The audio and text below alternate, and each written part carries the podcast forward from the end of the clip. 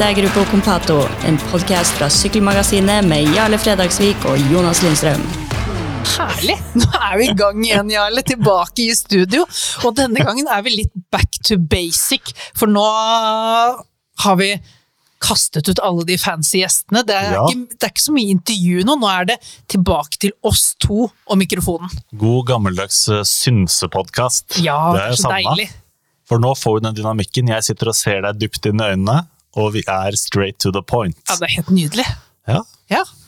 Hvordan har det gått siden sist? Det er det spørsmålet jeg fikk beskjed om. Ikke spør meg, for du har fått pes fra kona. Lurespørsmålet. Lurespørsmålet. Ja, Med en gang vi blir personlig, så stopper du fullstendig opp. Første Ja. gang jeg klarte å målbinde deg i hele mitt liv. nei, altså, jeg har jo ikke noe, noe svar, egentlig. Hva har jeg gjort siden sist? Eh, Jeg har hatt en manflu. Ikke koronamanflu, men en standard manflu. Jeg tror det. Tror Jeg, jeg prøver å legge det på etterdønninger etter vaksine tre, men jeg tok det for to uker siden, så egentlig så bør jeg være tipp topp notch. En klassisk manflu, men det er tross alt vel så ille som en korona. Ja, og så var jeg på en hyttetur med kompiser fra gamle der, og gikk på ski og sto på slalåm. Kjempestas. Det var en god helg. Det høres jo knall ut. Igjen så trekker du fram alt annet enn familielivet som oppturen, så du kan få litt pes av kona igjen nå hvis ikke du ror deg inn i siste øyeblikk. Det går ganske greit på hjemmebane også. Vi har klippet minstegutten, så nå er han en sjarmør uten Oi, sidestykke. oi, oi, er ganske greit. Du hører jo det er mye spennende som skjer. det er mye spennende som skjer, men vi er jo i gang med sykkelsesongen, og nå får du dermed litt, litt underholdning fra det også. Og det merker jeg, det er deilig å ha noe sykkelritt på ettermiddagen. Og det jeg syns er deilig, er å ha sykkelritt på formiddagen. Så jeg elsker jo når eh, Saudi-tour, Ja, når du kan når, se ørken på ørken på ørken. Bortsett fra at det var litt prob- problemer med TV-bildene, da. Men eh, det er jo det beste, syns jeg. Altså, hvis du har sånn åtte til fire i dag, og så kan du se på sykkel fra elleve til ett, så det er å foretrekke. Ja, det er Men eh, det er veldig deilig at eh, det nærmer seg. Altså, vi er jo hva er vi da? To-tre uker unna omlopp het Noise-blad. Ja, det begynner å nærme seg virkelig. Det er jo det. Og det er vel litt sånn utdatert, utdatert holdning å si at det er starten på sesongen, for nå er det såpass mye artig og så mange gode ryttere som ikke bare er i gang med sesongen, men som er i god form og byr på mye action. Så, så vi er jo allerede Altså allerede i februar så får vi mye bra servert. Og så er det jo det, altså det er, hvem har tatt steg siden sist? Eh, Hvilke lag gyver ut av startblokkene? Jeg tenker på Kofidis eksempel, Lotto Sodal. Trekk syns jeg er mye spennende, Uno X har bra med på notene. Hvilke nordmenn ser det ut som har levert en god vinter, og hvor befinner de forskjellige rytterne seg? Det er Ja. deilig del av sesongen. Det er flott. Det er eh, alle, du har så mye spørsmål gjennom vinteren, og så er- begynner du nå å få de første svarene, og så er det liksom ikke de endelige svarene, men du får se noen tendenser, da. Hva er det du har plukka opp så langt, da? Sånn, hvis vi ser med litt norske, norske briller, hvem er det som har fått en uh, positiv åpning? Uh, Av en positiv åpning så syns jeg Altså, Uno X har jo kommet Uno X er veldig gode når de topper laget. Eh, altså, Tobias Halland Johannessen har levert fantastisk, og, og det er jo som forventet, men samtidig så er det noe deilig med å se noen som følger opp en så god sesong som vi hadde i fjor òg. Du har noen av de som sliter med å følge det opp andreåret. Nå har han allerede startet veldig bra, eh, begynner å få vist resten av verden også det at dette her er ikke bare en klatrer, det er ikke bare en Grand Tour-rytter. Dette er punch. Det er en mann som eh, spinner på bakhjulet gjennom siste sving når han spurter inn til seier. Eh, Så Tobias Halland Johansen og Uno X sånn sett godt i gang. Eh, Og ellers så Alexander Kristoff har i hvert fall kommet til et lag som serverer han ting på en helt annen måte enn det han er vant til. Det er ganske deilig å se. Altså, det er nesten tilbake til Katusha Days. Alle samles eh, rundt den gamle kalven der mot slutten av eh, etappene. Litt tungt er det å se på også, for han er tung i øyeblikket. Jo, men det eh, er litt Kristoff fra starten av. Så er det Ja. jeg tenker at det viktigste er at det sitter for Kristoff sin form. Den kommer til å komme. og Det som er herlig også, er at selv om Kristoff ikke er i toppform, så har han jo, som han har hatt gjennom hele karrieren, et vanvittig høyt lavestnivå. Ja. Altså, han leverer jo nå ute av form resultater som de fleste norske proffene ikke kommer til å matche gjennom en hel sesong. Men tror du ikke Andrea Pascalon er klar for å spurte snart? Han, han så så bra ut. Også på den der uh, første etappen som Jacobsen tok i slak motbakke. Da skulle jo Pascalon fått spurte istedenfor, stakkar. Kona så jo bildet av han, vet du. Det skulle hun aldri ha sett. Tern, terningkast seks, Men jeg synes jo du er jo sånn fattigmanns-Pascalion, så det er jo ikke det verste hun kunne likt heller. Fattigmanns Alison Becker er jeg, vet du. Er det du er? Ja, ja, ja en, en god miks. Uh, nei, så jeg føler der uh, Litt sånn i det skjulte, og det syns jeg er en gjennomgangsmelodi med denne mannen. Jonas Iversby Widerberg, god start. Eh, som ble en brå slutt på ved at laget måtte trekke seg fra Valencia med covid-tester, positive covid-tester internt i laget. Jeg håper ikke han er rammet, for klassikeren kommer ganske snart. men klatrer ålreit, kjøresterk. Altså Jonas Iversby Widerberg han leverer. Det er ikke alltid du legger merke til ham på resultatlistene, men jeg er helt sikker på at hvis han slipper unna sykdommen, hvis han har sluppet unna denne covid-bølgen uh, i laget, så er han så klar for omlopet Noisblad, Kyrn Brussel Kyrn og resten av uh, vårklassikerne. Så jeg syns det er på en måte det man kan se litt bak resultatene, da. Uh, utenom det så er jo alt ganske tydelig fra resultatlista. Jeg vil også, Vi har vært innom Unox, men jeg vil også trekke fram godeste Rasmus Tiller. Jeg syns det var veldig deilig å se han på den etappen i Besers, hvor uh, Tobias Halland Johansen ble nummer tre. Og han ble nummer fire. Yes. Det, der viser det når Det er jo litt sånn tegnet på Rasmus Tiller, at når han puncher de korte bakkene. Mm. Bra. Det var litt sånn da han vant NM-tittelen i Trondheim for noen år siden også. Da var det jo hang på Bystrøm og nærmest liksom dro den duoen opp disse bakkene. Da var det litt sånn Ok, det var første gang det store norske publikum fikk øynene opp for at Rasmus Tille kan kjøre punchy bakker. Det kommer, Du snakker jo om albuene hans, det kommer litt an på skuldrene hans, tenker jeg. Altså Nå uh, Holgård er borte, nå er det han som uh, skal skinne i klassikeren. og han må jo bare gi jernet. Han er jo god nok til det. Men, ja, ja. men, jeg er litt spent på hodet hans. Er det på plass? Og, og hva kan han altså? Han skal jo sannsynligvis innom uh, Flandern rundt Paris-Roubais. Han har jo sykla de rittene før. Men uh, det blir veldig gøy å se hva han kan gjøre der. Ja, det, og det som, er, det som er veldig bra med Uno X, da, er at de er dyktige til å kjøre for kapteinene sine. Det er ofte at jeg liksom kan føle at på øverste nivå så kanskje de mangler et kort eller to å spille da, mot, opp mot de store World Tour-lagene. Men de er veldig dyktige på å samle seg rundt, og sånn sett så var jo kanskje det mest overraskende var at de gikk på en smell i sidevinden da, i Etoile Bessiges eh, på førsteetappen der, hvor de hadde vel tre mann i første gruppe eh, på et tidspunkt, men ikke Tobias Hallon Johansen. Mm. Så da var en, For en gangs skyld så klarte de ikke å få med seg kapteinen sin, og det er egentlig noe de er fantastisk gode på. Vet du jeg tror de må, lære, de må lære seg litt? De må sykle litt mer sånn sloppy. Litt sånn grisete. Ikke jobbe for mye, øh, og plukke et resultat. Altså skal, nei, jeg syns ikke, ikke, de skal sykle for avansert og bare se hva vi gjorde i dag. Vi gjorde sånn og sånn. Altså, du vet Joker from the old days, hvor uh, Gino skulle jo sykle avansert med de, og de animerte ritt og bla, bla, bla, men det var bare nesten. Jeg syns de skal passe seg litt for å ikke være for ambisiøse og for offensive. Altså, de trenger resultater. Ja, ja. Gi, gi, meg noen grisete seire her og der også. Absolutt, og jeg, jeg føler de har jo de er jo halvveis gode på det allerede. De spiller litt på når de kommer i brudd med World Tour-gutta. Spiller fortsatt litt på det å være et uh, prolag istedenfor et World Tour-lag. Så, så, absolutt. Og, men de, de, er med på notene fra start av, og så er det, det er fortsatt et stort klasseskille internt i laget, men så ser du også at da sender de noen, noen av de yngre, noen av de nyere ned til Tyrkia, hvor eh, jeg tror ikke vi skal snakke for mye om de rittene, for motstanden der, det er særlig mye svakere motstand får ikke et pro-team i løpet av en sesong, men da går de rundt der og så leverer de gode resultater. Det skal sykles der også, så de driver fortsatt og bygger opp laget litt sånn gradvis eh, med riktig matching for riktige ryttere. Eh, så det er på en måte der de fortsatt mangler steget opp til World Tour. De har ikke for mange av den lagoppstillingen de stilte med i Frankrike. De kan ikke stille med for mange av den kvaliteten andre steder. Altså det blir litt sånn litt A-lag og litt halvveis B-lag, sånn som det var både i Saudi-Tour og i, ikke minst i Tyrkia.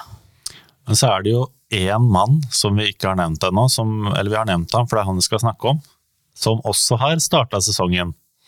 Yes! Edvald Boasson Hagen. Og nå tipper jeg det sitter noen der ute og tenker Dægeren, skal dette bli sesongen hvor Edvald slår tilbake? Og det var jo litt av grunnen til at vi tenkte at nå skal vi få på å si faen, jeg skal ikke si det, men nå skal vi snakke litt mer om Boasson Hagen. vi må kjøre en episode for, på Edvald, for jeg tror at hele Norge sitter og håper at Edvald skal lykkes.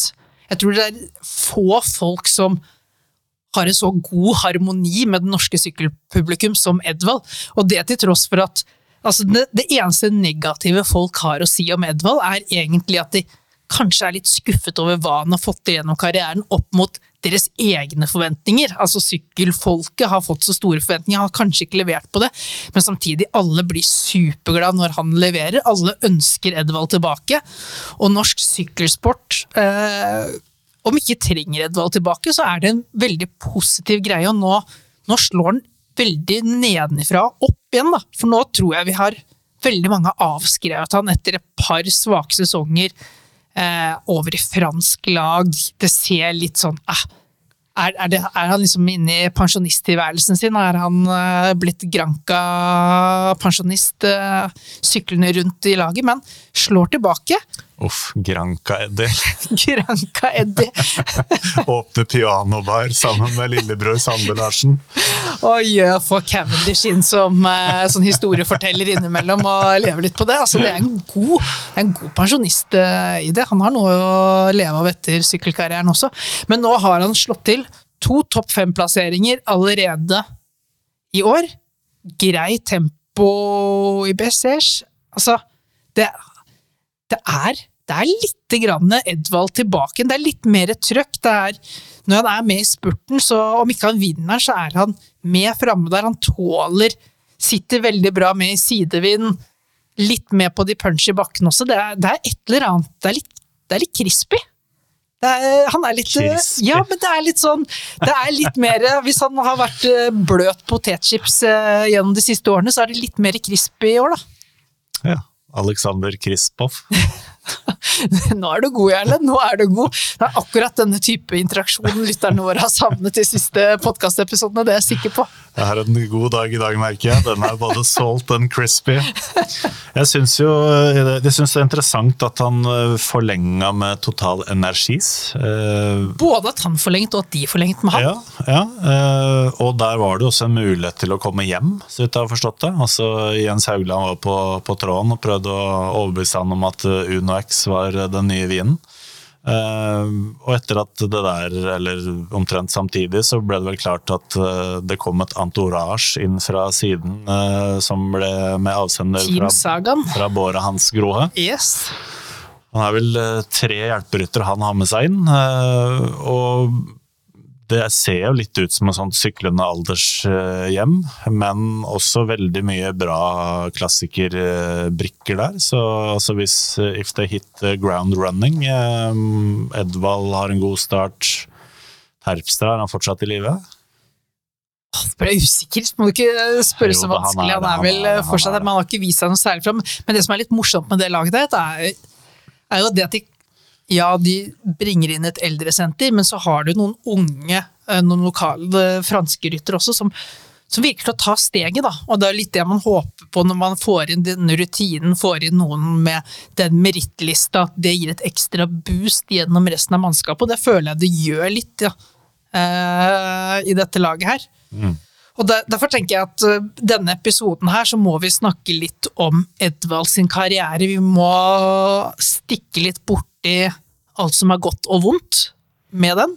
Og så må vi avslutte med å diskutere litt videre hva kan vi forvente av han videre denne sesongen, og for så vidt også neste sesong, for uh, han har jo skrevet under toårskontrakt. Har han? Han har det, så han uh, Ja. blir å sykle i det franske laget i 2023 òg. Ja, Det er faktisk oppsiktsvekkende, altså. Mens eh, Alexander Kristoff sitter og trør på en ettårsavtale i Intermarché Vantigobert. Ja, men øh, han er, du har Edvald øh, i fransk lag i et par år til. Det høres jo veldig lurt ut at du har med deg en eh, som har grønt belte i Edvald Boasson Hagen i studio. da. Altså, Jeg har jo nesten skrevet en eh, avhandling og en doktorgrad om mannen. Det er uh, helt nydelig. Du kjenner kanskje Edvald bedre enn Edvald kjenner seg sjøl? Nei, det tror jeg ikke går an. Ja, men eh, du, du ser han utenfra, du ser det ekstra perspektivet som er vanskelig å gjøre på egen hånd. Men du har jo skrevet bok om Kristoff og Edvald, og sånn sett fullt øh, gjort researchen på fra tidlig karriere til der vi er i dag. Uh, og hvis vi begynner å liksom spole tiden tilbake igjen, da. Edvald, det store talentet som kommer inn, tar norsk sykkelsport med storm. Og egentlig blåser et liv og et håp om at det kommer en generasjon etter Arvesen og Hushovd. At ikke det bare dør ut som et blaff. Mm. For det, det er tross alt Jeg tror når vi ser Kristoff, vi ser eh, Edvald, viktigheten av deres karriere, tror jeg vi må se opp på det også. At vi faktisk sykkel norsk sykkelsport fikk en vin nummer to, da, som mm. gjorde at vi fikk en lang periode der man var relevante for den eh, vanlige nordmann i gata. Uh, og hvordan, hvordan, starter hele denne karrieren? Oi, hvor er vi da? Sånn, hvor langt tilbake vil, vil du her nå? Altså, altså, han er jo sykla for Lillehammer CK Elite, eller het Elite på den tida, eh, fra, ja. fra, fra barndommen av. Inspirert av broren, Stian, som var egentlig terrengsyklist. Og så skjer jo det som ofte skjer med disse som leker seg i terrenget. De blir lokka over uh, på landeveien etter hvert med, med mer penger og agenter og manager og, og, de som skal ha kloa i de beste. Men uh, det er jo helt riktig som han sier. altså Edvald var jo noe som han aldri hadde sett før. altså Thor var et stort talent, han, og hadde ikke den flying starten på, på karrieren som, som Edvald hadde selv om Og hadde, og hadde sånn sett ikke noen som hadde dratt opp interessen før, før han heller, så var det ingen som oppdaget at han kjørte bra i juniorritt og U23-ritt. Han måtte liksom opp på proffverden for å markere seg før vi nordmenn våknet ordentlig opp. Der var jo Edvald litt heldigere som kom i runde to, da interessen var litt oppe. Man begynte å se kommer det en ny Hushov, det er det noen arvtaker. Ja.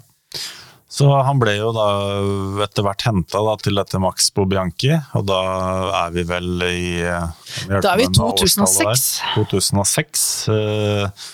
Og det er også en litt nyhet i norsk sykkelsport, for da har vi fått inn Gino van Odenhove, vi har fått etablert noe med et ganske sterkt økonomisk fundament som skal ut i Europa og verden og kjempe på kontinentalnivå. Da. Så han kom jo til et system som ikke eksisterte bare et par år før Altså, igjen timingmessig ganske så ideelt. Mm. Og så ja, jeg, jeg, regner med at folk på en måte kjenner litt til historien derfra, eh, men han vinner jo usaklig mange sykkelløp, og han gjør det jo på sin måte. Han vinner i første UCI-rittet han stiller opp i. Ja. Så vinner han en etappe. På klassisk Edvald-vis, at han ikke sitter og venter på spurten, men angriper halvannen eller én kilometer i forkant og kjører fra hele feltet. Alle kollektivt inn for å kjøre inn denne nordmannen, men klarer det akkurat ikke. Og da snakker vi mot altså, topplag. Arche Dussert er på plass. Uh, T-Mobile, om jeg husker rett. altså Kanskje ikke med A-lagene sine, men det er gode lag med. Det er ikke noe sånn at han har eh, stukket til bakgårdsritt og vunnet. Han er på nivå fra dag én i seniorklassen. Mm. Og Så blir det etter hvert et voldsomt race om å sikre seg signaturen til det som mange skjønner at det er et nytt vidunderbarn som uh, Eddie, Det nye Eddie Merks blir jo liksom en knagg folk, det internasjonale publikum, henger, henger han opp på tidlig. Da. tidlig da? Ja, altså Kanskje ikke Maxbo-dagene, men uh, de, det går jo gjetord om fyren uh, allerede før han signerer sin første proffkontrakt. Mm. Men det er jo en sånn liten uh, dragkamp der, uh, med Kredi Agricole, Tor Hushovd, Atle Kvålsvold på ene siden, Kurt Asle Arvesen og CC på andre siden, og så ender han opp med å gå helt sin egen vei. Altså han, uh, jeg tror han tenker at han skal stå på egne bein. Han skal ikke kjøre som hjelperytter for Thor, eller uh, hva han, hadde ikke blitt hjelperen til Arvesen, men altså Men i hvor, hvor, stor grad er det Edvald sitt valg på dette tidspunktet? For jeg husker jo bare Edvald tilbake i tid. altså Foran kamera så var jo det altså en blek utgave av et menneske. Det var knapt et ord som kom ut, og så regner jeg med at han sto litt sterkere i det utenfor kamera, var mer komfortabel der, men han har vel allerede da støttespillere både i van Odenhove, i Birger Hungerholt øh, og sånt også, som kanskje er med å det, det, det var jo noen mil, miljø han kom ifra, hadde jo vært litt på kant med Thor Hushovd, ikke med Kurt Asle Arvesen, men det var kanskje også noe inni der som gjorde at uh, det var fristende å ikke bare gå den derre tradisjonelle veien og følge andre nordmenn. Men jeg tror jo også Edvald Boasen Hagen har et fransk lag. Det er uh, egentlig no go zone. Altså, det er der han, han er nå, da. Ja, det er, nå er han det, men han ville til et internasjonalt miljø. De skulle snakke engelsk, mm. og han, han, traff jo egentlig planke med T-Mobile, selv om forhistorien var pill råtten. Eh, men det, det, systemet der det ble sprengt, og det kom inn nye, nye koster. Og, og de henta inn altså Både Cavendish og Greipel var jo der da han ankom det laget. Det er litt morsomt å tenke på i etterkant. Eh, jeg tror det er riktig som du sier, at Eugino var viktig støttespiller for å finne ut hvor han skulle hen. Ja. Det var et uh, litt overraskende valg da det skjedde. Uh, Discovery Channel var jo også ute etter uh, Edvald, i, i, tillegg til noen andre lag. Kanskje greit han ikke havnet der? Han var jo testa med Quickstep ja. i Løven i jeg tror det var i 2006, så de hadde jo god kontroll på mannen. Rabobank var, var, på ball, så det var selvfølgelig mange, mange muligheter.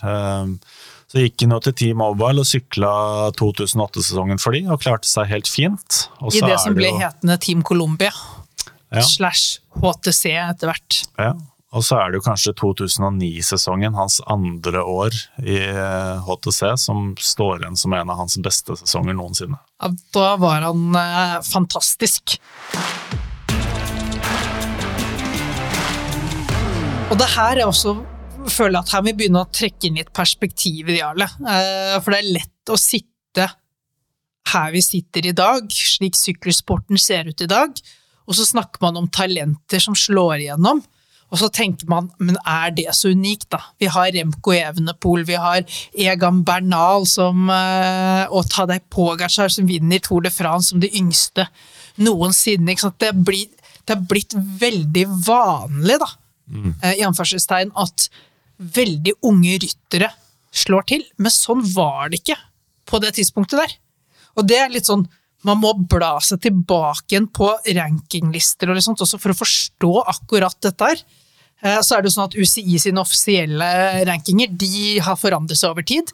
Men jeg har gått tilbake og sett på, gått inn på den norske siden First Cycling, og de har sin egen rankingmodell som man da kan uh, bare dytte ut på tidligere år også, for å se.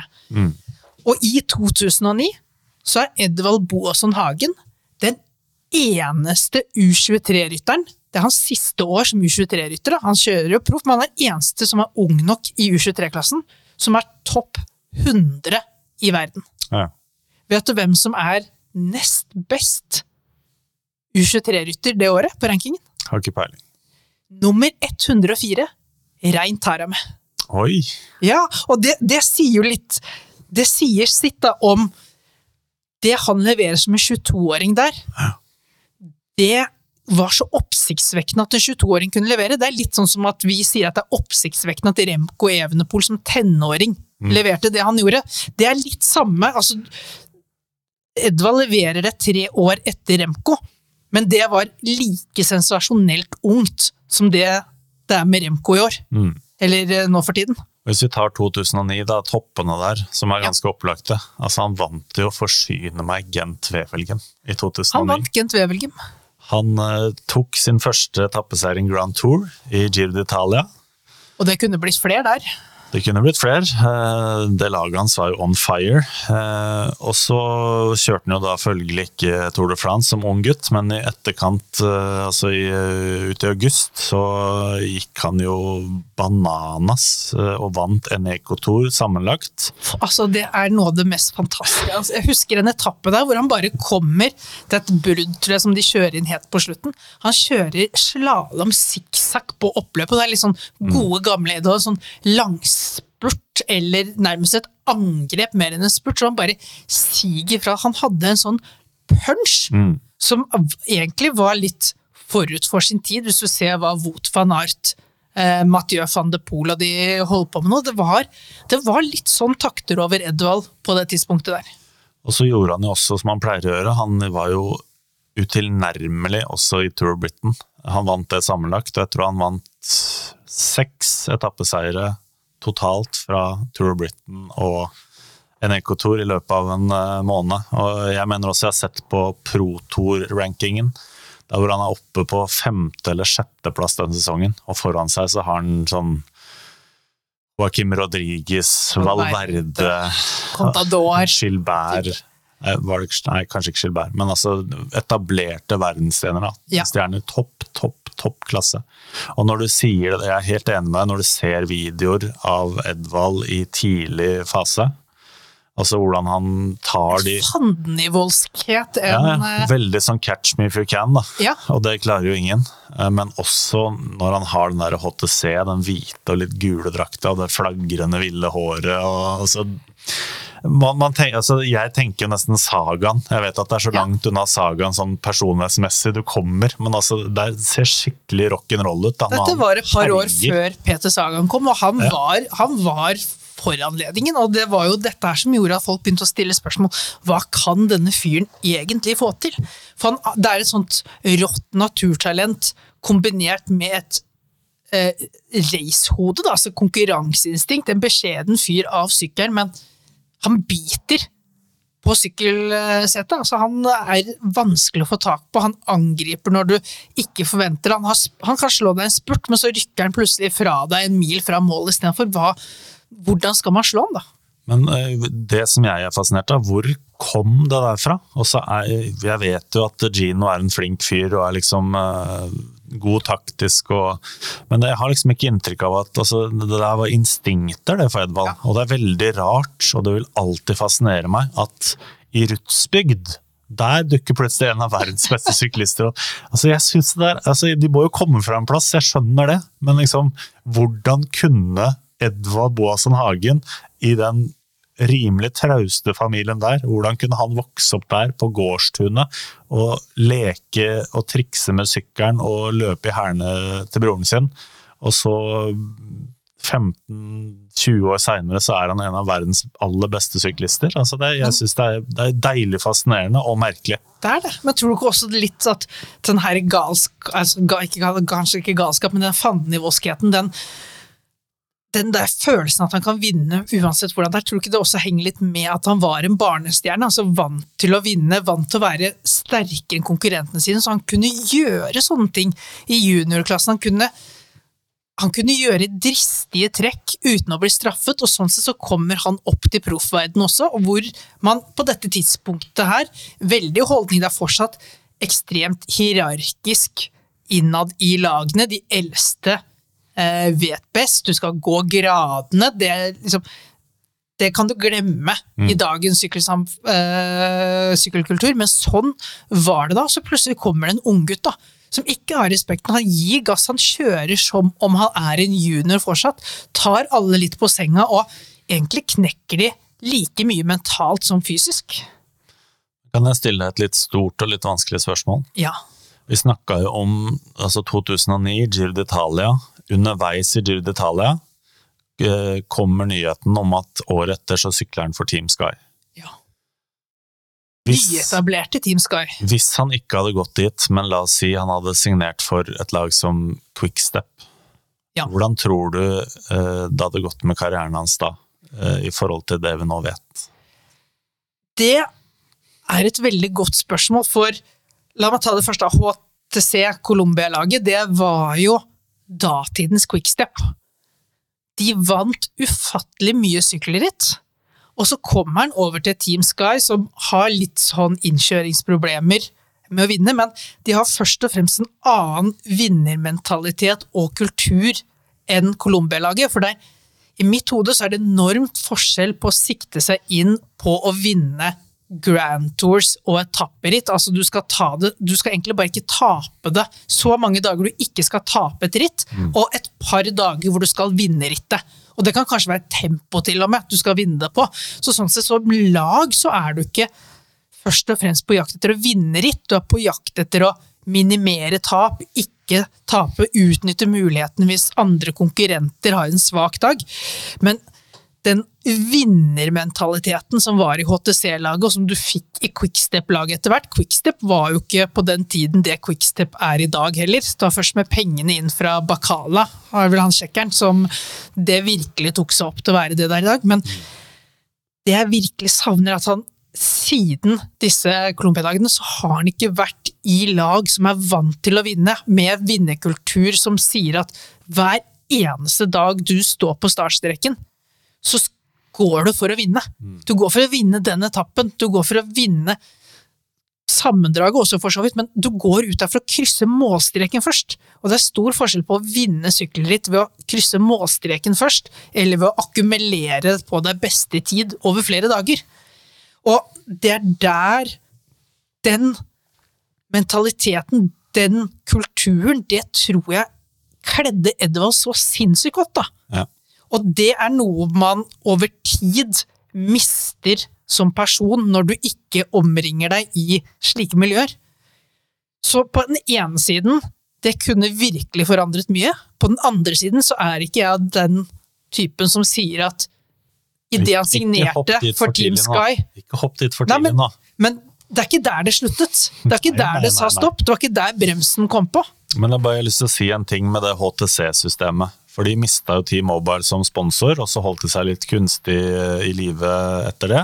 Og så kom vel egentlig Columbia inn, som også var en sånn tech-partner, og han Stapleton han var jo fra tech-industrien i utgangspunktet. Og så går jo det laget under. Sånn sett så gjør du jo riktig valg når du hopper videre året i forveien. Og det laget blir jo da splitta, og en del av de eh, forsvinner videre til Sky. Og Mhm. det visste Edvald om. Han visste at flere av lagkameratene fra OTC de ville vei. komme dit seinere. Ja, så han så nesten på dette her som en naturlig fortsettelse av det laget han var en del av. Ja, og så har du den andre fraksjonen. De forsvinner inn i Quickstep-systemet. Ja. Og Veldig mange av eh, de som bygde opp Quickstep til å bli storlag, de har en fortid fra OTC. Og så er det også en gren som etter hvert går til Otto Sodal. Ja, Så de, det Med var André Greipel, eh, først og fremst, vel. Greg Henderson, Adam Hansen Hele antorasjet der. Opptrekket hans, egentlig, Ja. etter hvert. Så um, Seaberg òg, tror jeg.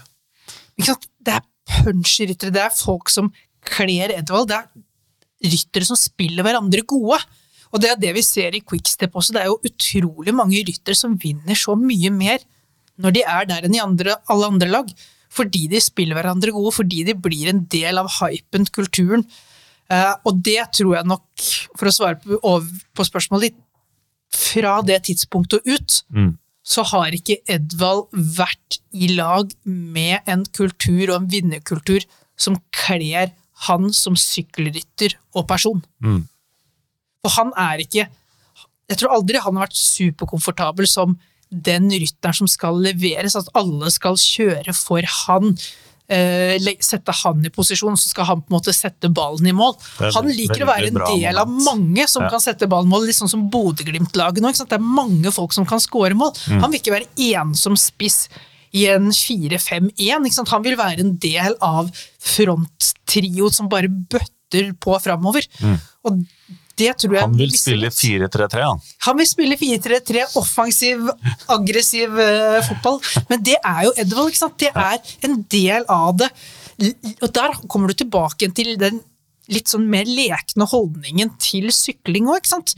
I Team Sky så kommer du inn i uh, denne fabrikken som produserer og dytter deg inn uh, i i et sett som fungerer, for guds skyld. Han leverer veldig bra, men han blir en annen fantastisk utgave av Edvald de første årene der. Det er ikke samme Edvald, det er fortsatt en fantastisk syklist som får til enkelte ting i Sky som han ikke fikk til tidligere. Men han mistiller seg sjæl. Det blir en liten identitetskrise sånn sykkelmessig, og det faktum at han trives så godt sosialt og i miljøet, gjør jo at det blir vanskeligere å bryte ut av det. Ja. Uh, nå er vi vel eh, midt, midt inne i, i Sky-perioden hans, og det som han husker som nordmann, er jo at man føler at eh, Edvald brukes feil. Det er, det er liksom det som er essa fast i, i norske hjerner. Og så glemmer man alt det gode han gjorde. Og det henger jo mye med at sammen med at uh, i Norge så er sykkel lik Tour de France. Ja, ja, Og Team riktig. Sky skulle vinne Tour de France, så man så Tour de France, og så så man Edvald bli brukt på en måte som hjelperytter der. Mm. Og så, følte man ikke, så så man ikke muligheten han fikk i klassikerne i andre ritt. Men igjen, får muligheten, så er det mer sånn Edvald, i dag er din dag. Det er ikke Edvald, i dag skal vi, nå skal vi ut og leke, nå skal vi ut og få det til som lag. Nå Ja. har vi flere spydspissere å spille på, så vet vi at du er en av de aller beste vi har, så kom igjen, nå går vi ut og klinker til. Men når du er ledig på markedet foran 2010-sesongen, og Sky er under oppseiling, det er nytt og det er sexy, og de har penger og de henter bra ryttere, og jeg skjønner at det lokker, men det er jo Det også et av de dummeste stedene å gå da, for et offensivt klassikertalent. Altså du vet, Men vet- vet Ja, du det på dette tidspunktet? Ja, men, ja, altså du vet, det må han vite, og du vet at Tour de France handler om én ting. Og det er ikke at Edvald skal vinne en etappeseier her og der, Nei, men, men- uansett, da. Han går jo til et nystarta lag som har null erfaring med klassikerne, som har holdt på siden slutten av 1800-tallet. Så det er en del lag Men det som er faktisk dyktige har folk inn, det er ja, ressurser, ja, det de er nye ja, da, spennende Men det er fortsatt nytt. Det er fortsatt nytt, og sånn sett så er det jo mer av en gambling enn det første valget han gjorde, selv om det viser seg å bli gambling, fordi T-Mobile forsvinner, og det blir på en måte et nytt lag ut av det innen han rekker å sykle for dem. Men Altså Hvis vi er i fotballverdenen, da. Det er sånn Liverpool behandler ligacupen. Ja, Sånn, sånt sånn behandler Sky klassikerne de første to, kanskje tre sesongene. ja og der eh, Det Der er, litt, det, faller er det litt, litt det er litt stygt sagt, da. Men det Det er liksom for du har Ian Standard og du har Jering Thomas Ja som da. fighter, og de har vunnet U23-klasser og sånt, men jeg forstår akkurat hva du mener, fordi det, det blir et veldig satt system. Det er, du begynner å gjøre det veldig Altså, du måler på KPI-er, altså det er tall som betyr noe. Det er uh, tall for å oppnå ditten og datt, det er vekt per kilo, det er alt mulig, og alle skal kunne klatre, for alle skal kunne gjøre en jobb for en sammenlagt rytter.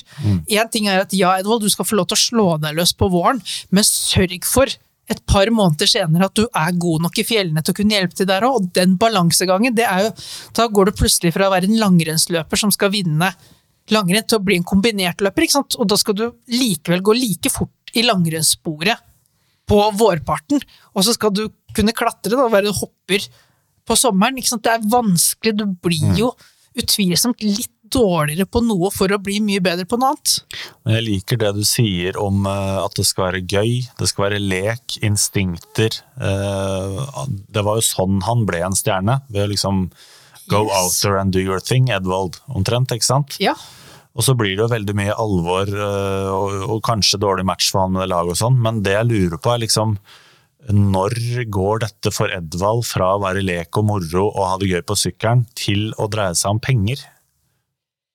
Altså, jeg tror jo Det syns jeg er et eh, Ja, vesentlig spørsmål rundt Det er et vesentlig spørsmål. Det er litt sånn derre Man skyr kanskje litt unna å snakke om det uh, ofte, men jeg tror jo at han snubler litt inn i den veien i Team Sky. Jeg tror ikke når han velger Team Sky at det er 100% på grunn av pengene. For det er som du sier, det er et nytt lag, det er spennende, det er stort, det er fasjonabelt, og det er ikke satt som det Team Sky vi i ettertid kan se. Altså, det, er, det er fortsatt litt usikkerhet hvordan dette her blir. De har ikke noe sammenlagt rytter. Altså, de henter jo Thomas Løvquist som deres sammenlagthopp. Han har jo ikke levert noe tidligere. Altså, de bygger jo opp Grand Tour-ambisjoner over tid. Men Thomas men men er når begynner- skulle vel aldri vinne Tour de France for Sky? Jo, men uh, si ikke det. Han, han, han, ja, men han vant jo Tour de l'Avenir som uh, ung. Han var et fantastisk Grand Tour-talent uh, på den tiden. Ja da, men ville Sky at en svenske Nei, skulle vinne Tour de Nei, France men, for dem? men de skulle jo gjerne ha De trengte jo noen utlendinger til å føre vei fram til de fikk bygd opp britene sine. Ja. Men det Så jeg, jeg på en måte jeg, jeg føler ikke at første kontrakten med Team Sky er Edvald går etter pengene, Edvald selger sjela si, Edvald forsvinner bort fra det han er. Det skjer mer når han signerer neste kontrakt med Team Sky, og den er så fryktelig lang.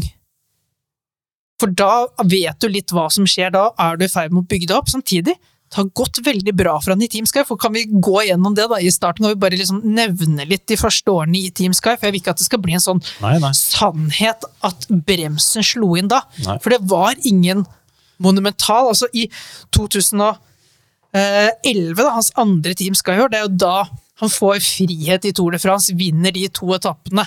Og måten han vinner til Pinarello, eller eh, Pinarolo, hva er det den begynner etter, det er, en, det er på akkurat samme måte som Thor Hushovd vinner til Lord. Det er en helt sinnssvak prestasjon. Han dekker alle brudd i fem-seks mil, klatrer over HC-kategoristigning før han punsjer fra Sylvain Chavanel opp siste bakke, kjører, kjører fra, videre fra alle nedover en teknisk utforkjøring, og så kjører han tempo solo inn i mål.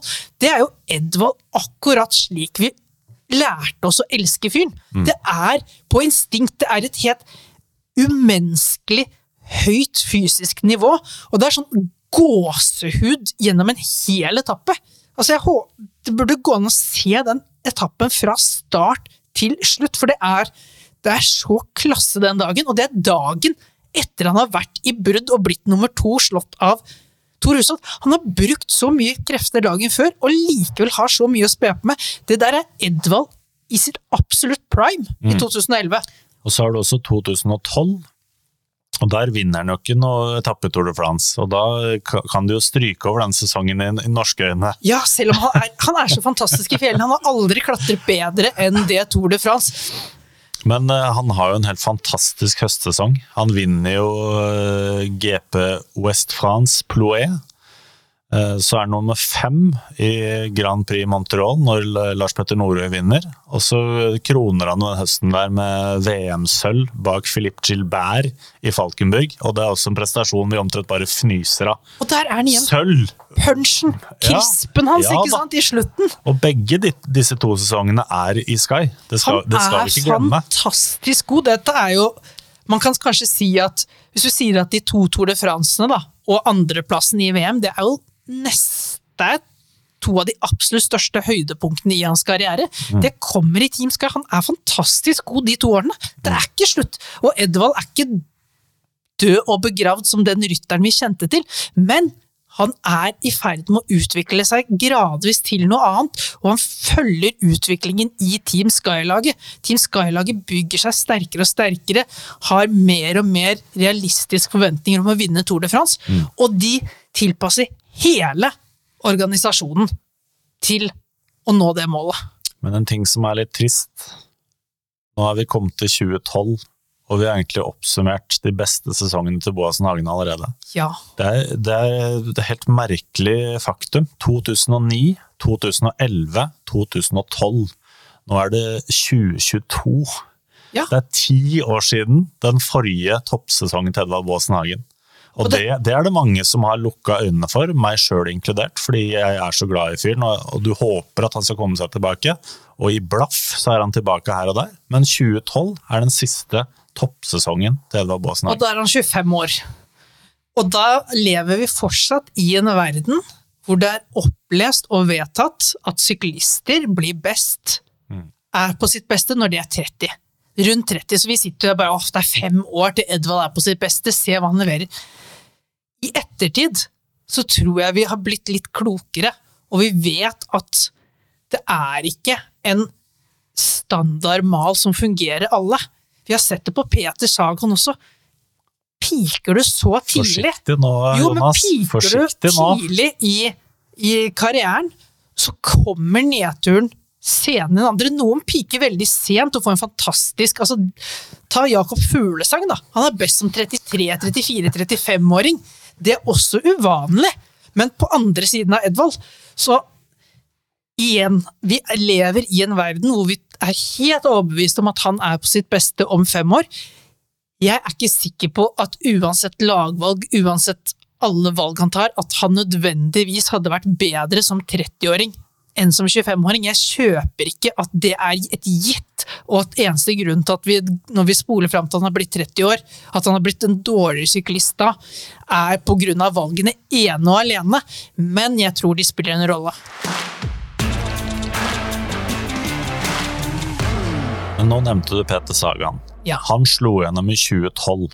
Han er grunnen til at Edvald ikke vant Tour de France-etapper den sommeren. Han var bedre. Peter Sagan holdt seg på topp fra 2012-sesongen og ut 2019. Ja. Han begynte å synke litt i 2019, men han har fortsatt Han drar inn poeng som er uh, mer enn det Edvald dro inn i 2009, for eksempel. Da. Ja. Uh, Så han og- har lengre periode for all del. ja, ja det, det, vil, Men- det vil bare poengtere det, men jeg tenker at vi kan diskutere litt faktorer uh, og grunner til at eventyret Edvald Boasson Hagen ikke ble helt det som veldig mange så for seg. Yes. Og jeg mener jo Peter Sagan er jo én av tingene på den lista der, men det er ganske mange faktorer som kan spille inn for at han ikke slo ut. men det er klart, I full blomst. når vi snakker om denne her, dette mentale overtaket, da, som han kanskje hadde på en del konkurrenter, fordi han, han kunne klatre de korte bakkene. Han taklet sidevind, han taklet uh, brostein, og han hadde en supervass spurt. Så kommer Peter Sagan, og Peter Sagan er litt bedre enn han på absolutt alle punkt. Han henger lenger med i bakken enn det Edvald gjør. Altså På et tidspunkt der så er jo Peter Sagan Han er ikke en klatrer, men han, altså han vinner Tour of California på fjelletappe oppe i høyden der. Altså han, På sitt beste så leverer han som klatrer også. Og han spurter like bra som Edvald. Han har ekstra mye punch i de korte bakkene. Han er enda mer et wildcard som finner på enda sprøere ting enn Edvald. Mm. sånn sett så kommer en og tar plassen hans, og tar edgen litt fra Edvald. Tror du ikke det er med å spille litt grann inn på selvtilliten, selvfølelsen og hans posisjon i sykkelverden? Sånn er det jo i sykkelsporten. Det vil alltid komme altså, overalt i yrkeslivet, og det kommer Ja. alltid yngre, mer talentfulle folk unnifra. Og og plutselig så føler du deg avleggs og passer ikke inn lenger. Ja, og så kan, si- men- og så kan du jo si det samme om Peter Sagan nå. For nå er det han som det ikke har Mathieu bra van der nå er ikke han bra nok punch. Nå er ikke han god nok i Hvor er det han skal slå Wout van Aert? Hvor skal han slå Ja. Mathieu van de Poel? Og tror du ikke kombinasjonen der, da? Si at du får deg en liten en på tøgga på hva gjelder- tagga, er det de sier på- Nå ble nå ble det Kolbotn. bre- bredt ut på landet. Nå er det nærmere Ski og Ås enn Kolbotn, det skal jeg si. Eh, tror du ikke det, kombinert da, med at han er i et lag hvor de verdsetter han aller høyest for den hjelperytterrollen han kan gjøre, tror du ikke at for en mann som Edvald, da, som har et behov for å være godt likt, eh, har et behov for å føle at han gjør en god jobb, er det ikke litt lett å havne i den at ok, men det er vanskelig å slå Peter Sagan.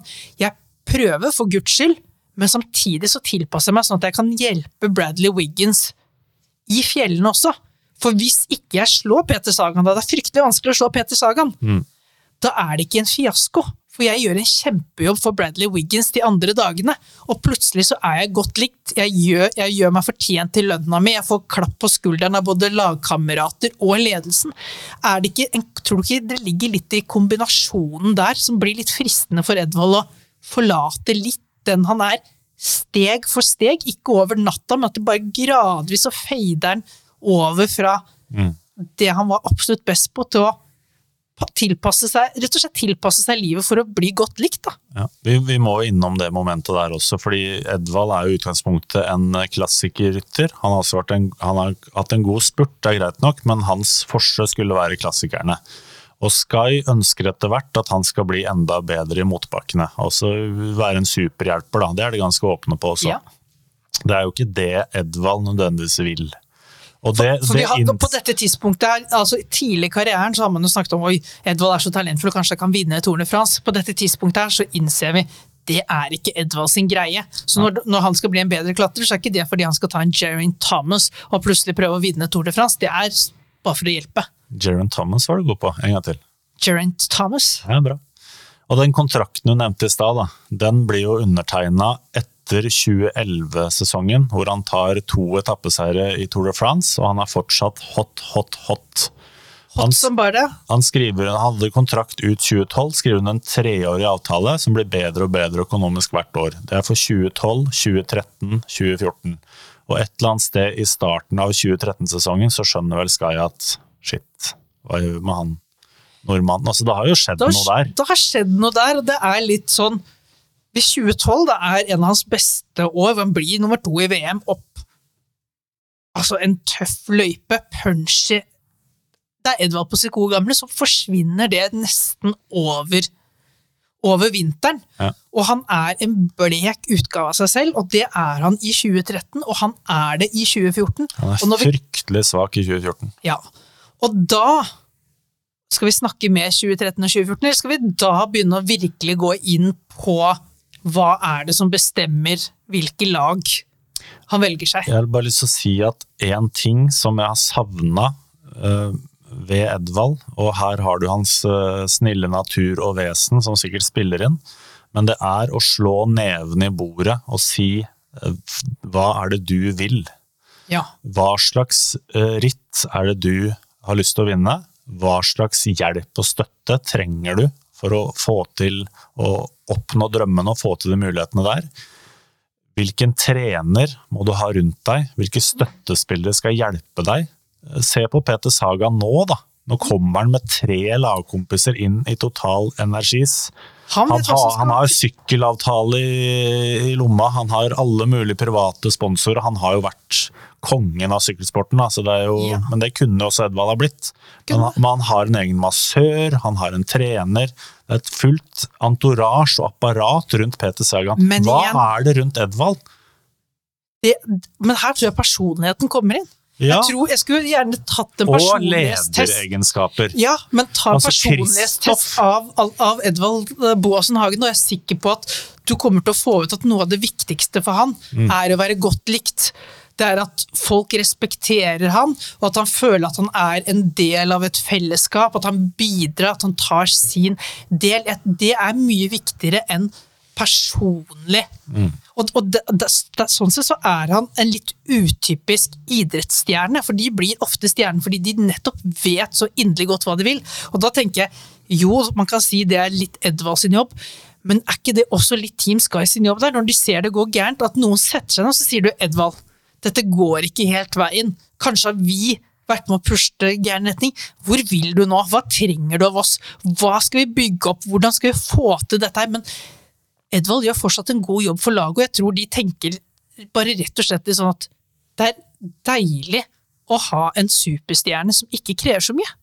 I en, i en verden hvor de store stjernene krever mye, og de har råd til å ha stjerne på stjerne. Altså, dette er jo et tidspunkt også hvor, hvor mange altså, Du kommer litt i samme greia som US Postal hadde. Altså, du bygger opp ryttere som blir de nest beste da, under kapteinen din. Og så forsvinner de bort til andre lag, Richie Port, som vil prøve lykken andre steder. Og det er vanskelig å beholde stjerne. Edvald, en stjerne som ikke krever noe særlig som Altså, du kan betale han. Det liksom, han krever i peng, kroner og øre, men ikke så mye annet. Veldig komfortabelt for Team Sky, og også ditto komfortabelt for Edvald å ikke måtte, ikke måtte ha det press på seg for å levere, ikke måtte slå ja, så Jeg tror bare det er en personlighet her som, som krasjer mot Altså, han hans personlighet er ikke ideell med den situasjonen han havner i. Hans personlighet er å være en del av et vinnerlag, en vinnerkultur, ta del i det og bidra med sin greie, hvor alle for Det bare er gitt i kulturen hvordan folk skal levere. Det er gitt hvordan vi skal lykkes, ikke at det er opp til deg å fighte for det på egen hånd. Men se på Alexander Kristoff, da. Litt annen type, men Mm. opplagt en mer utprega leder. Og han tryller jo ut av ingenting. altså Både BMC-oppholdet, så lander han på beina i Katusha. Ja. Og har plutselig Rudiger Seleg, Marco Haller, Og Guarnieri, han smiler mens Mørkøv. jernet er varmt. Ja, han er mye flinkere til å bygge relasjoner rundt seg og sier at dere må gjøre sånn og sånn og sånn, jeg skal vinne for dere. Det tror jeg aldri Edvald har uttalt noen gang. Nei. Man er sånn, Han hjelper en litt der, og så håper han å få litt hjelp der neste gang. Og eh, Jeg vet ikke om det hadde funka i sprangridning eller noen andre idretter, men i sykkelsporten det er ikke sånn, altså. Det er spisse albuer, og det er eh, røffe banditter, og det er eh, straka veien til mål. Og får jeg den seieren, så tar jeg den. Jeg Ja. driter jo med har ha lovt Edvald en halv kasse pils hvis eh, Jo, og der er det jo, og det er du litt inne i boka di også, at relasjonsbygging, det er ikke noe snakk om på en måte å dele for mye rundt med sine lagkamerater, eller sånn sett bygge et nettverk. Og da, når vi Men der kom, har han svikta. der har han sviktet. Har han sviktet. Ja, det er jeg enig med deg. Og Da- også de rundt han, egentlig. Ja. Fordi han har jo hatt rådgivere rundt seg. Og, og igjen, da, nå skal vi over på, på MTN Kubeka. Ja. Um, og det er jo et veldig merkelig valg. Uh, og i den perioden så kunne han ha gått til uh, BMC. De ville prøve seg en gang til. De hadde prøvd å signere han tidligere. Uh, Tinkoff Saxo kjenner vi jo til. Der satt det jo en gal mann på toppen, og det kledde jo uh, Edvald veldig dårlig. Det kledde Edvald dårlig. Uh, Tinkoff Saxo hadde vel også eh, signert Sagaen, så det var jo ikke det lureste å gå dit.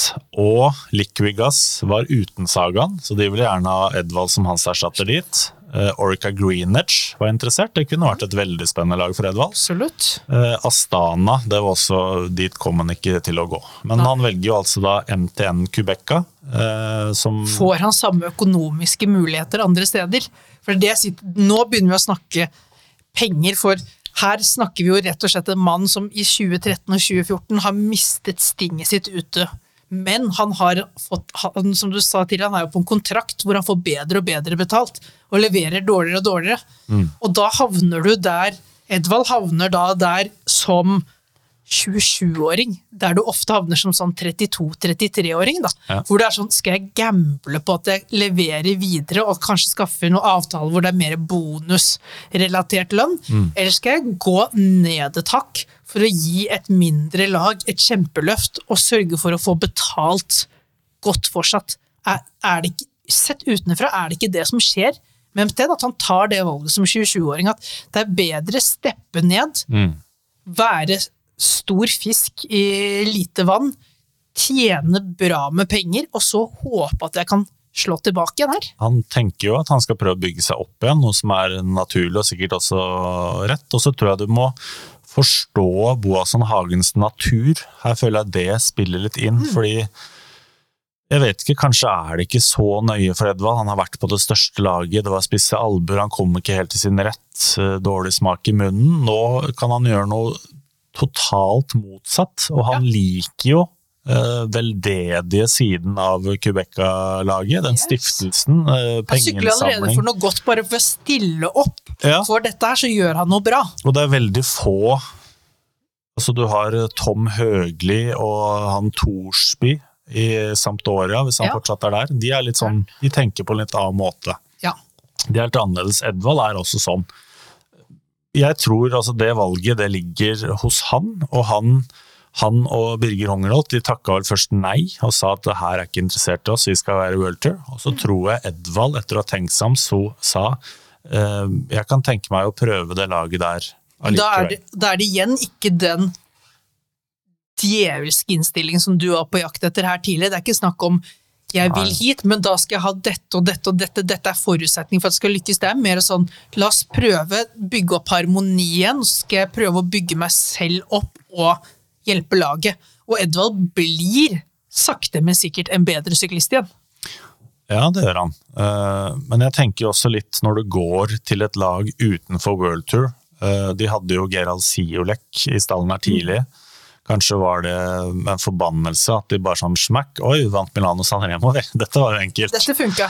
Men jeg bare tenker når, når eh, De kommer jo til Tour de France på invitasjon, og de som han har rundt seg der, Steve Cummings, Tyler Farrar, Reinhardt og Jacques Janse van Rensburg, Burg, Merave Kudus, Louis Meintjes, Serge Powels og Daniel Tekle Hermanot. Altså, du drar jo Lapskaus, eller? ja, det du, du drar jo til Tour de France med et veldig svakt lag rundt seg, så hvordan skal du da begynne å vinne etappeseiere? Altså, Svakt og ikke, virkelig ikke bygget rundt Edvald. Altså, du har Powells og du har Maintien som leverer i fjellene. Du har en Tyler Furrer som er eh, vant til å spurte på egen hånd. Altså, det er bare ikke noe tråd rundt, og det er i hvert fall ikke bygd opp rundt de skal kjøre på den måten Edvald trives med. Greipel vant fire etapper det året, blant annet med HTC-gjengen rundt seg. Henderson, Seaberg, Lars Bach, Adam Hansen. Lotto kommer dit med fem stykker, liksom. Og det er bare smurt maskineri. Edvald har jo aldri hatt en hjelper. Altså, han har vært Cavendish sin hjelper opp igjennom. Det er på en måte det er den relasjonen han har. Han har aldri hatt en fast hjelper som har dratt han fram, som han Nei. har samarbeidet godt med.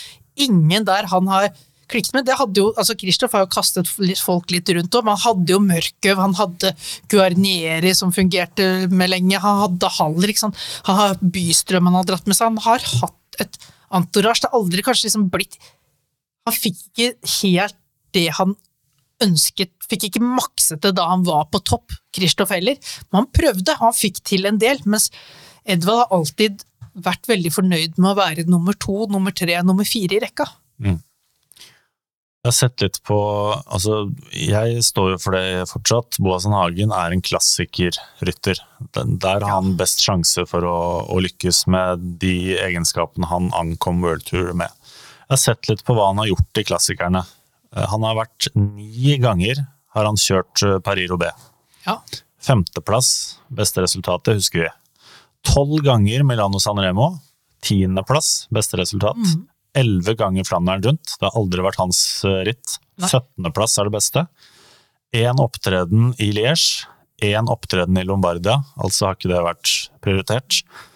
Og for å trekke fram noen, noen ting han har gjort i klassikerne, Gent Wevelgem 2009 har vi snakka om, den vant han. Han vant Ploé 2012. Hamburg vant han 2011. Så har han tredje, tredjeplass fra Het Noisblad. Det var da Ian Stannard vant, lagkompisen. Yes. Fjerdeplass fra Dvarstor Fladneren i 2018. Da vant eh, Yves Lampart, og han bomma vel litt eh, på det taktiske mot slutten der. Fjerdeplass fra Monteparski Eroica. Ta med den der litt på siden. Eh, Det er jo Strade Bianche i dag. yes. Da vant lagkompis Thomas Løvquist. Talent, som jeg sa. Femteplass i Het Newsblad fra 2012. Da vant Bonen. Sjetteplass fra Het Newsblad i jeg husker ikke når det var, men Fletcha vant da, lagkamerat, faktisk. Og niendeplass fra Harelbekk i 2013. Og da, det, det er liksom første ting man har litt lyst til å konkludere med, er at han står ikke distansen. Altså de lange løpene. Og man kan sikkert snakke om ja, det er nok ikke vært Edvard sin styrke, der er nok Alex bedre på den seigheten. Det er mer punch, mer i livet underveis. Men Edvald har tross alt en sølv i VM. Han kastet bort en medalje i Richmond, og han var jaggu ikke langt unna i Doha heller. Så han har jo levert i lengre løp, og han har vært fantastisk i VM. Men det er også noe der, når, liksom, når du leser opp resultatene der, og det har kommet mer de siste, siste halvdelen av karrieren sin, at han har slitt med å komme i gang på våren. Altså Det er på høsten han har levert. Det er da det har gått, det er da han har fått momentum. Han Nesten litt sånn der Mikael Wahlgren-syndromet, hvor eh, det er først når det er et verdensmesterskap begynner å lukte det, at formen kommer. Så, og det er igjen på en måte, han er, ikke, han er ikke der klar på starten av sesongen for å leke seg på sykkelen. Han er ikke tilbake i modus 'Å, så herlig jeg skal tilbake i konkurranse'. Det er mer forknytt. Mer eh, et ønske, en desperasjon i å få til noe uten å, uten å slippe seg løs.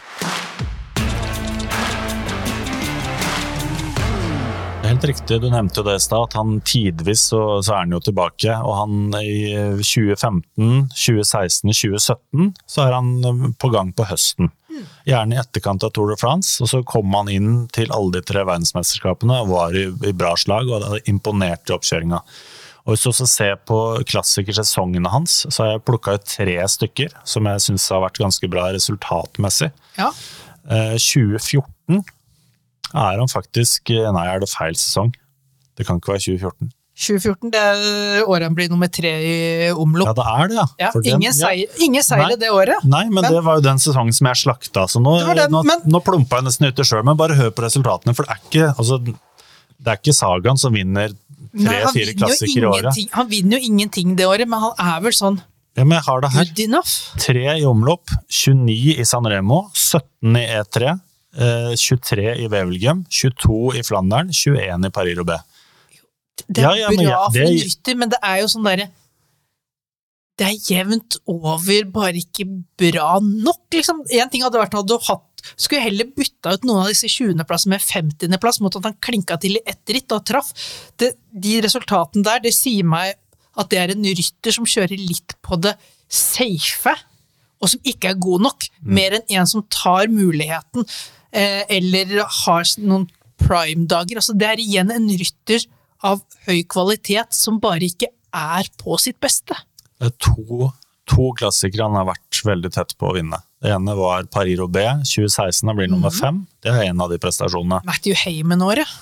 Og så er det 2018, hvor han blir nummer fire i Dwarstow Flandern. Og da kan du si at Dwarstow Flandern, hva er det for noe? Men han var litt på etterskudd inn i klassikerne, og det var liksom den gode prestasjonen hvor noen ikke er med, og alle Jo, kanskje ikke tar, er full throttle. Du men tar en Dwarstow Flandern-seier. tar en, tar en Dwarstow Flandern for laget. Ja, ja, herregud, hvis du får du den servert, så tar du den. Men det er igjen, da, det er ikke Én ting er resultatene, nå er det igjen det er lett å grase ned resultatene, men tenke tilbake, da. Det er ikke gode, gamle Edvald, det er ikke offensiv Det er liksom Han bruker mye krefter på å sitte langt fremme i feltet. Han, han er liksom flink det er litt flink pikesyndrom her.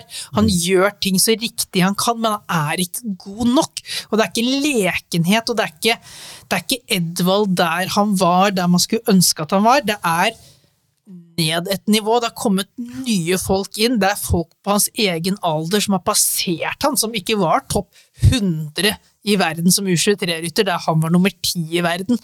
Altså, det har stagnert, gått bakover for han, mens verden for øvrig har gått videre og fremover. Men det var jo én ting du nevnte i stad, med lange distanser. At han ikke alltid står de lengste løpene. Og da syns jeg det er vanskelig å ikke nevne noe han ikke liker å snakke om. Helseproblemene hans. Ja. Jeg mener det er en, faktor som kan forklare hvorfor han ikke har uh, De brukte jo lang tid på å liksom få det riktige næringen, og igjen, da. Dette her er det som er utfordringen. Si, min teori da, er jo, som jeg lanserte her tidligere, Edvald er en av de som piker tidligere i karrieren enn gjennomsnittet. I hvert fall på det tidspunktet vi var da. Og det som er utfordringen med det, er jo at du har ikke fått etablert de gode rutinene, du har ikke fått testet ut hva som fungerer for deg og ikke fungerer for deg på alle mulige ting. Og en av de tingene var jo ernæring. De brukte tid på å treffe med ernæringen. Og når de først gjorde det, så var allerede et par av hans beste år over. mm. Eh, Han var jo fantastisk god, men magen hans tålte ikke næringen. Eh, så de måtte jo jobbe og utvikle eget produkt, vel, med noen fiskegreier for at han skulle takle det. Og det er igjen mye mer Sånn sett så er det mer fantastisk å ha Hvis du Altså, det fungerer når du blir topper sent da i karrieren, da får du all tiden til å prøve og feile.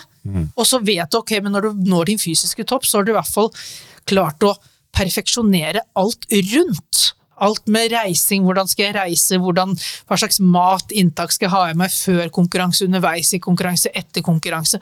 Alt det der, du har prøvd og feilet, funnet oppskriften. Er du så god som Edvald fra start, så går du opp veien mens du er på toppen av karrieren. Og da er det ikke alltid du treffer riktig, da. Nå er jo ikke jeg ernæringsfysiolog, eller hva det heter for noe, da burde du snakka med Espen Lie, kanskje. Men jeg syns jo det er rart, uten at jeg kjenner til prosessene. Jeg tror ikke han fikk konstatert cøliaki før i 2018 eller 2019. Nei. Eh, og han har jo også hatt et inngrep hvor han har fjerna galleblæra. Ja. Og dette er jo ikke fra legehold, men det er jo folk eh, tett på som er usikre på eh, hvor mye det fortsatt hemmer han, selv om den ble fjerna for nå snart fire år siden. Men der, der er Men altså, det blir jo synsing og Ja, men der er du igjen litt på Edvald. Han har nok lett etter svaret, sånn at man har jo ikke satt himmel og helvete i bevegelse for å få løst dette så fort som mulig. Han, han har jo liksom jeg, Vi ordner dette på egen hånd, jeg og mine Ja, nærmeste men hvis du er en inngrodd knott fra Rutsbygd, da, Ja, som ikke liker å utlevere deg og snakke om Nettopp. Det er personlighet. Men igjen, der, der er jeg igjen med at du må kjenne din egen personlighet for å vite hvilke miljøer du bør inn i for å prestere best. Og der tror jeg idretten På mange måter så ligger idretten foran næringsliv, eh, og trekker næringslivet etter. Når det gjelder personlighet dette inn, Vi snakket jo med Stig Kristiansen her også på UnoX. Dette var noe de ikke gjorde. De kjørte ikke så mye personlighetstester før de ansatte rytter og sånn. Der ligger faktisk idretten etter næringslivet, Altså finne de riktige folkene som fungerer sammen, danner de beste teamene på tvers av personlige egenskaper. Og her tror jeg Edvald har snublet og falt litt eh, underveis, fordi han er ikke den Han har ikke den personligheten som flest idrettsstjerner har. Han er en litt uvanlig idrettsstjerne. Noe av det er jo det som gjør han så utrolig godt likt også.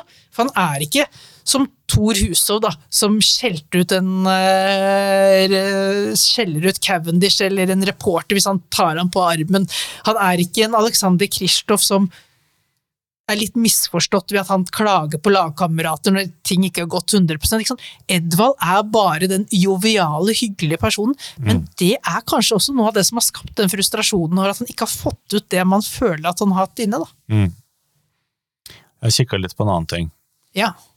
Eh, 81 seirer har Edvald og Alexander.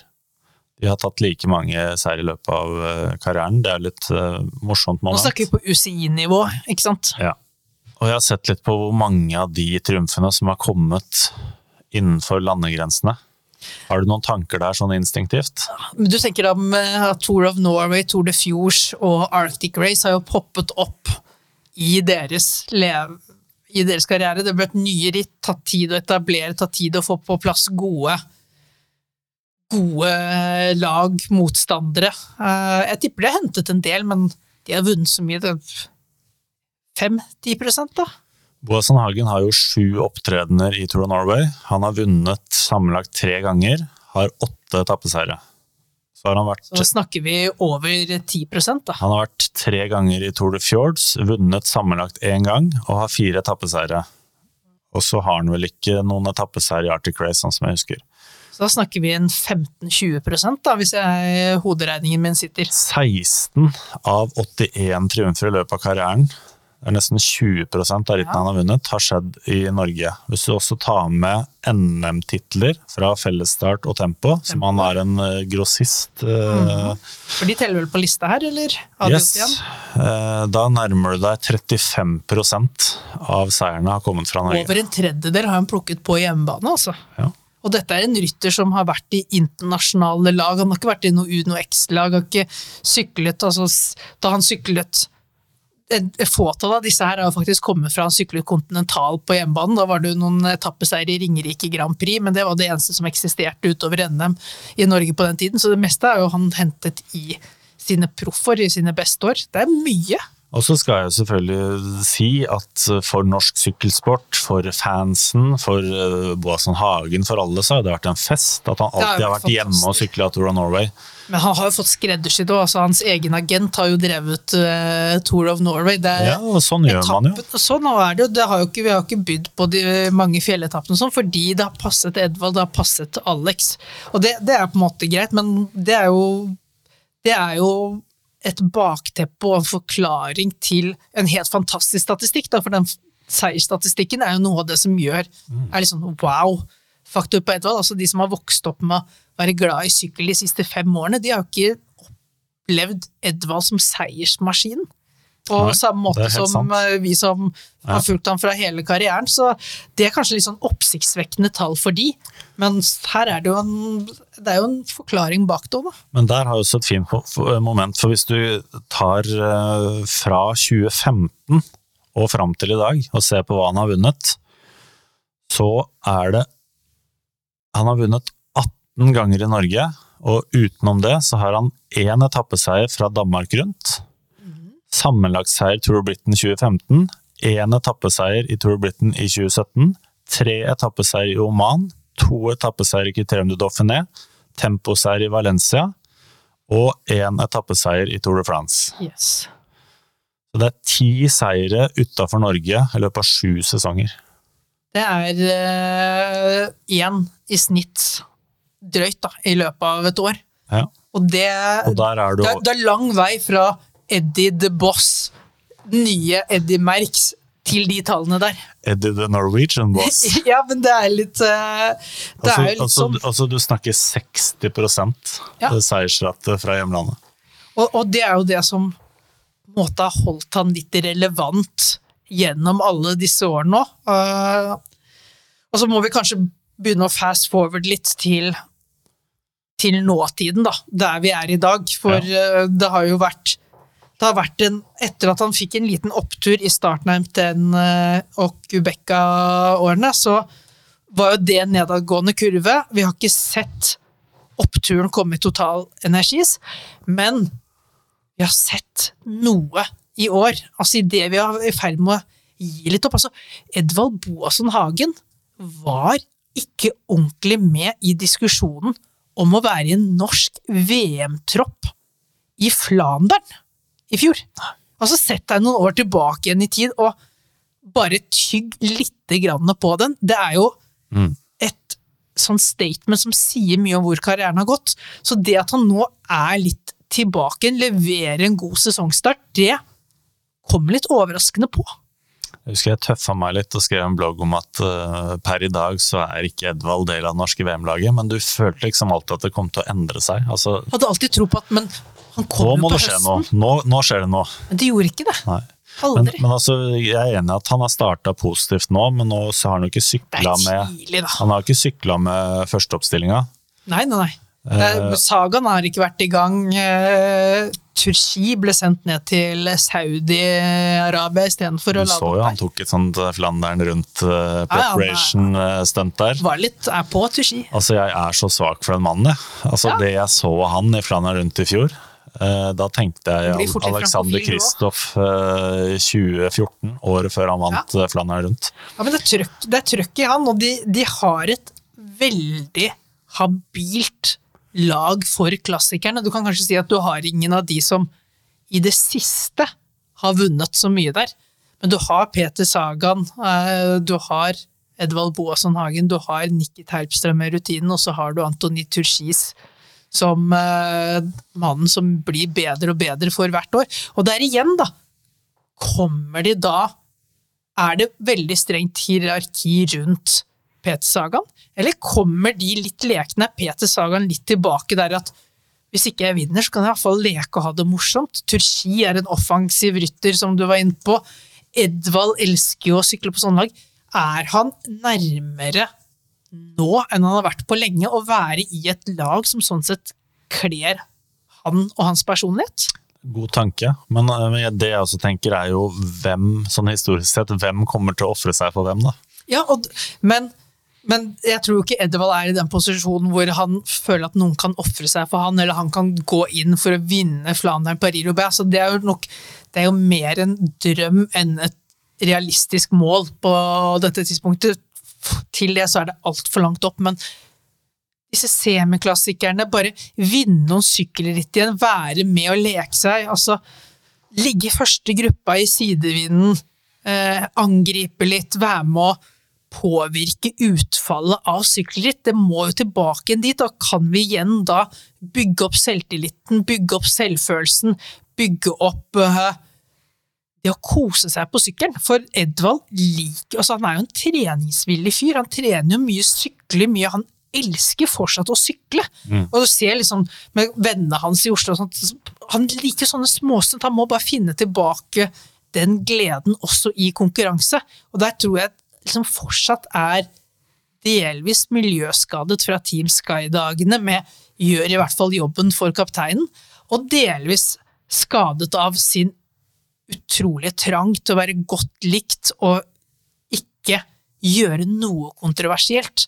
Altså, det er nesten bedre å sitte i feltet og hjelpe en lagkamerat å unngå kjeft, enn å ta en mulighet og oppnå hyllest ved mål. Det er bedre å leve litt på det jevne enn i store eh, bølgedaler. Men du har jo det, du har det momentet der med liksom leken og instinktet. og Jeg føler jo Edvald kommer litt derfra. Peter Sagen kommer litt derfra. Yes. Og så kan du jo si at det har skjedd veldig mye i eh, nivåutviklinga siden den gang.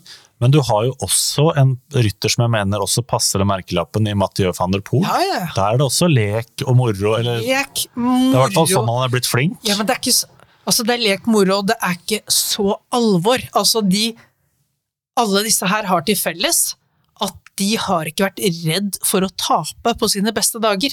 Altså, Peter det var kanskje det Peter, Edvald blei? Ja, kanskje det. For for Peter. Sagan var fornøyd med å vinne tre VM-gull, men han, han vet at han hadde ikke syntes livet var så mye jævligere om han bare hadde vunnet ett eller to. Nei. Altså Han syntes det var kjempemorsomt å få det til, men det å være med på leken, det å støte på slutten der i Richmond altså, Det er det som er moroa, måten du oppnår resultatet på. Det er jo det som skal være morsomt, mer enn resultatet i seg selv. Det å ta steget øverst på pallen og få applaus er sikkert hyggelig i seg selv, men det er den følelsen du har underveis, når du føler deg bedre enn de andre, du føler at du, du tar de litt på senga, du er frampå, det må jo være det som er det virkelig det morsomste du kan oppnå som en idrettsutøver som syklist. En ting som er litt rart, er at jeg kan nå spørre som et reelt spørsmål. Tror du Edvard Boasson kommer til å vinne et sykkelritt i år? Jeg tror det. Jeg tror faktisk det. Hva, hva, det, hva, det, hva kan det det være? hadde jeg ikke svart eh, for én en siden. Det er veldig siden. rart at vi i det hele tatt stiller et spørsmål. Det er veldig rart, men jeg- jeg- Boasson Hagen vi snakker om, men det, det er der Ja. vi er nå. Men det handler jo også litt om at man har innsett litt nivå. Han, han kjører ikke bare de største rittene lenger. Men det tror jeg er der Edvald må. Jeg tror de kom, kommer til å få i gang litt det at han syns det er moro, litt dette her med konkurranseinstinktet òg, for det er jo noe med det der å faktisk snuse på seier, gjør deg enda mer kåt på å få den eh, inn. Og det er du for langt unna, så dø jeg, jeg, hørte, jeg hørte hva jeg sa, jeg. Hørte hva jeg sa. en, eh, det var en power statement på Det var en power statement. Men da det det er liksom Du er med på moroa, da. Du er Ja. ikke bare en del av feltet, du er med og kjemper om noe. Og det er det jeg håper, da, at Edvald kan bygge videre på den starten han har nå. Og at de tredje- og fjerdeplassene i seg selv betyr ikke en dritt. De tredje- og fjerdeplassene i seg selv er ikke noe han kommer til å bli husket for. Men det er kanskje steget tilbake til å være i manesjen. Jeg kan stille et annet spørsmål som er litt morsomt. Hvem vinner flest sykkelritt av Edvard Baasen Hagen, Peter Sagan og Antony Truchis denne sesongen? For han vinner jo heller ikke spesielt mye, selv om han nærmer seg. Det er fantast tre fantastiske ryttere som ikke vinner en dritt. Peter Sagan vinner mest i år av de. Ok, Så det er ikke den store gjennombruddssesongen til Anthony Turchis? Nei. Er det ikke det? Nei. Ja, Jeg er svak for den mannen, altså. Ja, men du må se litt hva, hva hvem er det han konkurrerer med. Da. Han konkurrerer mot de beste og de skarpeste innen. Det er, eh, og, og han har blitt deres frontmann i det laget. Eh, Det- jo så det, det handler er- om hvilke ritt man satser mot. Satser man alt mot de største rittene, så vinner du sjeldnere, i håp om å vinne større. Altså Problemet er jo, selv om vi har sett at de går sukkertom innimellom, men du må sannsynligvis vinne en spurt mot Wout van Ert og Mathieu van der Poel, og også Du må henge med Ala Filip i bakkene. Du må, du må henge med når uh, Tadej Pogacar plutselig skal kjøre disse rittene også. Ikke sant? Det er Kasper Askeren som kommer ut av det blå, og Mats Pedersen. Nivået er skyhøyt i Mats. Pedersen, der har du en luring foran Der har du en mann som eh, du skal sette to, tre, fire utropstegn på. Det er vel på utgående kontrakt også, så Og den nye kanskje Lara også, nye Cancellara. Kasper Askeren. Kasper, okay, nå begynte jeg liksom å tenke eh, sveitser, lurte på om du skulle selge en Bissegger, men altså fantastisk, fantastiske ryttere Danmark har der, og nivået er bra, og quickstep er i seg selv. Liksom, du skal være en fantastisk rytter på fantastisk lag for å kunne konkurrere mot quickstep i det hele tatt, så hadde Tushis gått i quickstep, så tror jeg han faktisk hadde vunnet flere sykkelritt, selv om han hadde øh, falt nedover rangeringsstigen. Og det er litt der Edvald kunne vært også. Falt litt nedover rangeringsstigen i et topplag, fått mulighetene, vunnet mer.